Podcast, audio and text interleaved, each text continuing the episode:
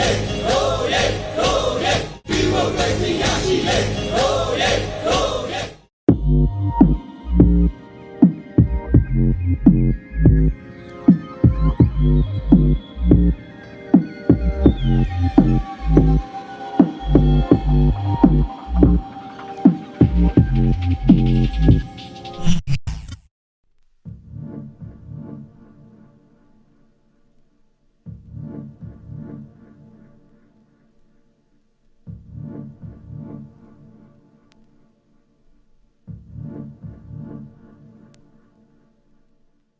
တော်လိုင်းနီးပညာစီစဉ်ကနေအားလုံးကိုပြန်လည်ကြိုဆိုလိုက်ပါတယ်မြန်မာနိုင်ငံသူနိုင်ငံသားအပေါင်းမင်္ဂလာပေါင်းနဲ့ပြည့်စုံတဲ့နေ့ရက်တွေကိုအမြန်ဆုံးပြန်လည်ပိုင်ဆိုင်နိုင်ကြပါစေကြောင်းတော်လိုင်းနီးပညာစီစဉ်ကဝိုင်းတော်သားတွေကဆုတောင်းမေတ္တာပို့သလိုက်ပါတယ်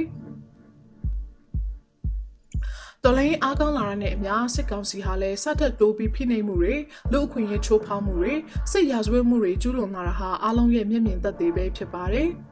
ကျွန်တော်တို့ဒေါ်လာရင်းပညာစီစဉ်ဟာလည်း digital လုံခြုံရေးနဲ့သက်ဆိုင်တဲ့အကြောင်းအရာတွေကိုစဉ်ဆက်မပြတ်တင်ဆက်ပေးခဲ့တာမှာယခုပတ်မှာတော့မိမိအသုံးပြုတဲ့ digital အချက်အလက်တွေဟာစစ်ကောင်စီအတွက်သက်သေအထောက်အထားတွေဖြစ်မသွားအောင်ဘလို့ဂရုပြုရှောင်ရှားတဲ့လဲဆိုတဲ့အကြောင်းနဲ့ပတ်သက်ပြီးဆွေးနွေးပေးထားပါတယ်။အင်တာနက်ဈေးတွေတက်လို့တက်စင်ကဈေးတွေတင်လို့တင်အင်တာနက်နဲ့ဖုန်းလိုင်းတွေပိတ်လို့ပိတ်နဲ့ဤပညာကိုကြောက်ရွံ့နေတဲ့စစ်ကောင်စီဟာလည်းဤပညာကိုသူတို့ရဲ့လက်နက်တစ်ခုအနေနဲ့အသုံးပြုလာတာကိုအထင်သာတွေ့ရပါတယ် စစ်ကောင်စီကလမ်းသွားလမ်းလာတွေရဲ့ဖုန်းတွေကိုအမြဲတစေစစ်ဆေးပြီးအဲ့ကနေမှသူတို့ကိုစန့်ကျင်တယ်လို့သူတို့ယူဆတဲ့ data မှန်သမျှတွေ့တဲ့အခါမှာဖမ်းဆီးခေါ်ဆောင်သွားတာတွေပြုလုပ်လေးရှိပါတယ်။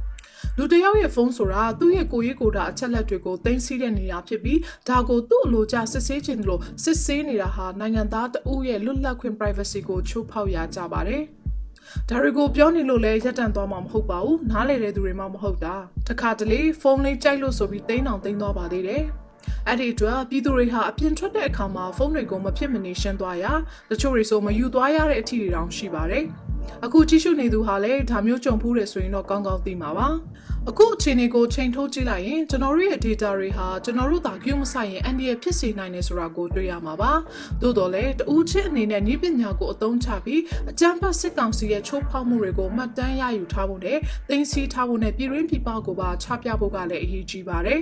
data ဆိုတဲ့နေရာမှာ electronic စက်ပစ္စည်းတွေတိုင်းမှာရှိတဲ့သိမ်းဆည်းထားတဲ့အချက်လက်တွေကိုခေါ်တာပါဓာတ်ပုံတွေ video တွေ message တွေ အသံဖိုင်တွေစာရွက်စာတမ်းတွေ graphic design တွေ email တွေနဲ့ browser history တွေပါပါဝင်ပါတယ်မိတ်ဆွေရဲ့ဖုန်းတွေ laptop တွေထဲမှာဘာ data တွေရှိပါလဲမိတ်ဆွေရဲ့ဖုန်းထဲမှာအလူငွေထည့်ထားတဲ့ screenshot တွေရှိနေပါသလား ဆန္ဒသွားပြတော့ကရိုက်ထားတဲ့ဓာတ်ပုံတွေဗီဒီယိုတွေရှိနေလားဖုန်းထဲမှာရောအရေးကြီးတဲ့အကြောင်းအရာတွေကိုပို့ထားတဲ့ email တွေရှိနေလား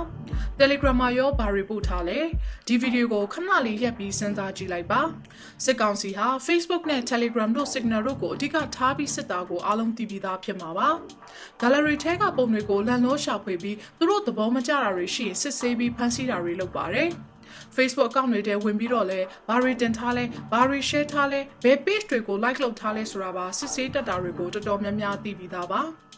အခုဆိုရင်စကိုင်းဒေတာမှာအင်တာနက်ပြတ်တောက်တာတွေတွေ့ရပြီးဒီလိုအင်တာနက်ပြတ်တောက်တဲ့ဒေတာတွေမှာကျွန်တော်တို့သုံးတဲ့ digital သက်သေတွေကိုအလွယ်တကူဖြတ်ပစ်လို့မရတာတွေ drive for ကိုတင်လိုက်ဖို့အင်တာနက်မရှိလို့ data တွေကိုဖြတ်ပဲဖြတ်ပစ်လိုက်ရတာတွေဖြစ်နိုင်ပါတယ် ဒီလိုပေါ်ပေါ်တင်တင်အင်တာနက်အခွင့်အရေးလူအခွင့်အရေးချိုးဖောက်နေတာတွေဖြစ်နေတာကြောင့် data တွေကိုအလွယ်တကူဖြတ်လို့ရွှေ့လို့မရတော့တဲ့အတွက် digital သက်သေတွေကြံခဲတတ်ပါတယ်။ digital လုံခြုံရေးဆိုတာကလည်းလူတိုင်းလိုက်မလို့တချို့ကပြင်းလို့မလုပ်တာနဲ့အဖမ်းခံရတဲ့အခါမှာကိုယ့်အကြောင်းတွေရောကိုယ်နဲ့နီးစပ်တဲ့အကြောင်းတွေရောဖုန်းထဲမှာတတိကြီးပါသွားတော့တာပဲ။ဒါတွေဟာတော်လိုင်းရင်အင်အားစုတွေကိုအာရုံစေတဲ့အပြင်အထိမ့်သိမ့်ခံရတဲ့သူကိုယ်တိုင်လည်းတက်သေးတွေရောအတွင်းသတင်းတွေပါတခါတည်းပေးလိုက်သလိုဖြစ်သွားပါတယ်။ ဒီလိုကိုအပါဝင်တခြားသူတွေကိုပါဒုက္ခတွေ့စေနိုင်တဲ့ data တွေဟာမိတ်ဆွေရဲ့ဖုန်းတွေ laptop တွေထဲမှာရှိနေရင်တော့အဲ့ဒါလေးတွေကိုအခုပြောသွားမယ့်နီလန်းတွေကိုကြည့်ပြီးရှင်းထားကြဖို့အကြံပေးလိုက်ရပါတယ်။ data မရှိဘဲတော်လိုင်းရင်းမှာသတင်းတွေမစီးဆင်းနိုင်ပါဘူး။တော်လိုင်းကိုယ်တိုင်ကလည်း data တွေပေါ်မှာအနေများမိတည်နေတဲ့အတွက်ကျွန်တော်တို့ပြောနေတဲ့အကြောင်းအရာတွေမှာ data တွေကိုလုံးဝမဖန်တီးဖို့မသိသိထားဖို့မဟုတ်ပါဘူး။ဒီလိုအရေးကြီးတဲ့ data တွေကိုလုံခြုံတဲ့နေရာမှာတည်တည်ချာချာသိမ်းထားဖို့ကိုသာပြောနေတာပဲဖြစ်ပါတယ်ပါတယ်ဖုန်းတွေ laptop တွေထဲမှာလွယ်လင်းတစ်ခုထည့်ထားပြီးအပြင်သွားတဲ့အခါမှာလည်းဘာမှမပြင်ဆင်မဲမသွားကြဖို့ကိုပြောနေတာပါဖုန်းတွေ laptop တွေဆိုတာ password တစ်ခုလောက်နဲ့သာကာကွယ်ထားပြီးအလွယ်တကူကြိုးပေါက်နိုင်ပါတယ်အဲ့ဒီအတွက်လုံခြုံတဲ့နေရာကိုကြိုတင်ရွေးချယ်ထားဖို့အတွက်လိုအပ်ပါတယ် data တွေကိုဖုန်းတွေ laptop တွေထဲမှာမဖြစ်မနေထည့်ထားရတော့မယ်ဆိုရင်တော့ဖုန်းတစ်လုံးလုံးကို encryption လို့ဆိုတဲ့ WhatsApp စနစ်ကိုပြောင်းလဲထားလို့ရပါတယ်အဲ့ဒါဟာဖုန်းတိုင်းလိုလိုရဲ့ setting ထဲမှာပါပါတယ် laptop မှာဆိုရင်တော့ VeraCrypt လို့ software တွေကိုအသုံးပြုပြီး WhatsApp စနစ်ကိုပြောင်းလဲနိုင်ပါတယ် data တွေကို WhatsApp စနစ်နဲ့ပြောင်းလဲထားမယ်ဆိုရင်တော့ဒီ data တွေကိုကာကွယ်ထားတဲ့ password ကိုမကြော်ဖြတ်ပဲဘလို့မှမရယူနိုင်ပါဘူးတို့ပေမဲ့ကိုယ့်အတွက်အရေးကြီးတဲ့ data တွေကိုကိုယ့်ရဲ့အနီးနားမှာထားထားတာကတော့အကောင်းဆုံးနည်းလမ်းမဟုတ်ပါဘူးစစ်ကောင်စီဟာအကြမ်းဖက်အဖွဲ့အစည်းတစ်ခုဖြစ်တဲ့အတွက်ဒီထဲမှာ data တွေရှိနေမှန်းသိတဲ့အခါမှာကိုယ့်ကိုမဖြစ်ဖြစ်တဲ့နည်းနဲ့ password တွေကိုတောင်းခံနိုင်ပါတယ်အဲ့ဒီတော့ password တွေကိုပေးလိုက်လေဘာမှမဖြစ်တဲ့အခြေအနေတစ်ခုကိုကြိုတင်ပြင်ဆင်ထားဖို့အတွက်လိုအပ်ပါတယ် ဖုန်းတွေ laptop တွေထဲမှာအရေးကြီးတဲ့ data တွေဘာမှမသိမ်းထားတာဟာအကောင်းဆုံးပါပဲဒါပေမဲ့အဲ့ဒီ data တွေဟာကိုယ်နဲ့မလန့်မကန့်မှာရှိနေဖို့တော့လိုအပ်ပါတယ် data တွေကို Google Drive လို့ Mega လို့ Cloud Storage ပေါ်မှာသိမ်းထားပြီးအဲ့ဒီ account တွေကိုဖုန်းထဲက sign out လုပ်ထားတာကတော့အကောင်းဆုံးနည်းလမ်းပဲဖြစ်ပါတယ်ကိုလိုတဲ့အခါမှာဒါမှမဟုတ်အသစ်ထပ်ထည့်ခြင်းတဲ့အခါမှာ account ကိုပြန်ဝင်သုံးတာကအဆင်ပြေပါတယ်ဖြစ်နိုင်ရင် browser ထဲကပဲအသုံးပြုပြီးအချိန်တစ်ခုသတ်မှတ်ကကိုယ့်ရဲ့ browser history ကိုရှင်းပေးဖို့လိုအပ်ပါတယ်ကိုအသုံးပြုတဲ့ email account ကိုလည်းအရေးကြီးပြောထားတဲ့အကြောင်းအရာတွေနဲ့တက်တည်ဖြစ်နိုင်တဲ့အကြောင်းအရာတွေကိုပို့ထားရင်အဲ့ဒီ account ကိုလည်းလိုမ account ပြန်ဝင်ပြီးသုံးပြီးလို့ရှင်လည်း account ကနေပြန်ထွက်တာမျိုးတွေပြုလုပ်သင့်ပါတယ်ဒါကိုအလုတ်ရှုပ်တယ်လို့တွေးနေရင်တော့မိတ်ဆွေဟာကိုယ့်လုံခြုံရေးနဲ့ကိုယ့်မိတ်ဆွေရဲ့လုံခြုံရေးကိုပါ view site တဲ့သူတယောက်မဖြစ်နိုင်ပါဘူး။တော်လည်းရေးမှာအရေးတော်ပေါ်မအောင်သေးသေး၍တက်ဆွမ်းသမျှနေရာကနေပါဝင်ဖို့လုံခြုံရေးကို view site နေဖို့ကလည်းအရေးကြီးပါတယ်။ message တွေကိုလည်းလုံခြုံတဲ့နေရာကပို့တာတွေအပြင်ပြောလို့ပြီးသွားရင်ပြန်ဖြတ်ပစ်တာမျိုး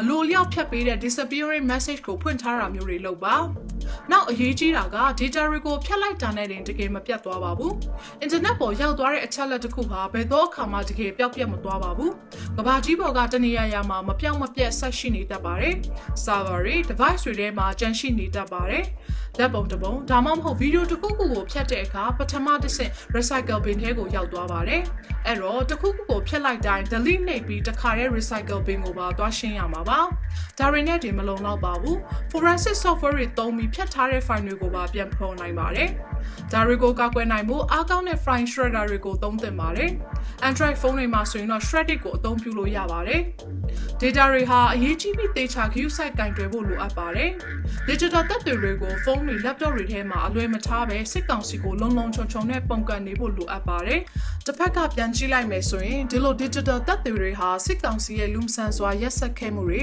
နိုင်ငံတကာမှာညှင်းမရတဲ့အချက်လက်တွေလည်းဖြစ်နိုင်ပါတယ်။ စစ်ကောင်စီဟာရိုဟင်ဂျာအရေးမှာလည်းနှစ်ပေါင်းများစွာလူမဆန်စွာနှိပ်စက်ရက်စက်မှုတွေအဆိုလိုက်ပြုံလိုက်တပ်ဖြတ်မှုတွေကိုကျူးလွန်ခဲ့ပြီးဒီကျူးလွန်မှုတွေကိုနိုင်ငံတကာကမြင်တွေ့အရေးယူနိုင်တဲ့ digital သက်တွေတွေကိုလည်းတပုံကြီးရှိခဲ့ပါတယ်။ဒီအတွက်ပေးဆက်ခဲ့ရတဲ့ကိုဝလုံးနဲ့ကိုကျော်စိုးဦးတို့လိုတရားစီရင်ရေးအမဲဆက်တွေကိုလည်းမေ့ပြလို့မရပါဘူး။လွန်ခဲ့တဲ့ February ၁ရက်နေ့ကကြောက်ပတောင်းမြို့မှာမိမိကိုယ်ကိုမီးရှို့ဆန္ဒပြခဲ့တဲ့လူငယ်လေးရဲ့စိတ်မကောင်းစွာပုံသက်တွေတွေနဲ့သူထားခဲ့တဲ့စာလေးတစ်စောင်ကိုလူတိုင်းနှီးပါမြင်တွေ့လိုက်ရပေမဲ့ဒီအဖြစ်ပြက်ပေါ်မှာဘာအကျိုးသက်ရောက်မှုမှမရှိခဲ့တဲ့အပြင်တာဝန်ယူမှုတာဝန်ခံမှုတစုံတရာလည်းမရှိခဲ့ပါဘူးလူတယောက်ရဲ့အသက်ပေးလိုက်ရမှုဟာလည်းမိမိပြောက်ပြောက်ဖြစ်သွားခဲ့ရပါတယ်မြမအရေးဟာလည်းနိုင်ငံတကာမှာအရေးတယူမလောက်ခံရတဲ့ပုံစံမျိုးလိုပဲပြောရမှာပါ digital အထောက်အထားသက်သေတွေဟာ internet ပေါ်တစ်ခါရောက်ပြီးသွားတာနဲ့နေရာအနှံ့ကိုရောက်ရှိသွားပြီး internet new feed တွေပေါ်မှာအပြင်ဒါတွေကိုမြင်တွေ့လိုက်ရတဲ့လူတွေရဲ့အုံနောက်ထဲနှလုံးသားထဲမှာအမြဲထာဝရဖျောက်ပြက်လို့မရအောင်ရှိနေမှာပဲဖြစ်ပါတယ်။ညနာစရာကောင်းတာကဒီလို digital သက်သေတွေကိုတိတိပပရှိနေပေမဲ့လည်းမျက်ွယ်ပြုတ်ခံရပြီးရက်စက်မှုတွေအောက်မှာပေးဆက်ခဲ့ရတဲ့အသက်တွေဟာနှမျောစရာကောင်းလာပါတယ်။ ဒါကြောင့် digital သက်သေအထောက်အထားမှန်သမျှဟာကျွန်တော်တို့ကိုကိုရိုင်းအန်ဒီရဖြစ်စေနိုင်တဲ့အထိအကျိုးသက်ရောက်မှုတွေရှိနိုင်တယ်လို့ပဲစစ်ကောင်စီပေါ်မှာလည်းအရေးယူနိုင်တဲ့သက်သေတွေဖြစ်နိုင်ကြောင်းကိုလည်းမိထားလို့မရပါဘူး။ဒါကြောင့်ဒီလို digital သက်သေတွေကိုလုံခြုံစွာသိမ်းဆည်းထားနိုင်ပြီးထိထိရောက်ရောက်အသုံးချနိုင်ကြပါစေလို့ဆန္ဒပြုရင်းနဲ့ပဲနောက်ပတ်များမှာလည်းတော်လိုင်းနည်းပညာစီစဉ်ကနေဘလို့အကြောင်းအရာတွေကိုဆက်လက်တင်ဆက်ပေးသွားအောင်လဲဆိုတာစောင့်မျှော်ကြည့်ရှုပေးကြပါအောင်ရှင်။ Thank you.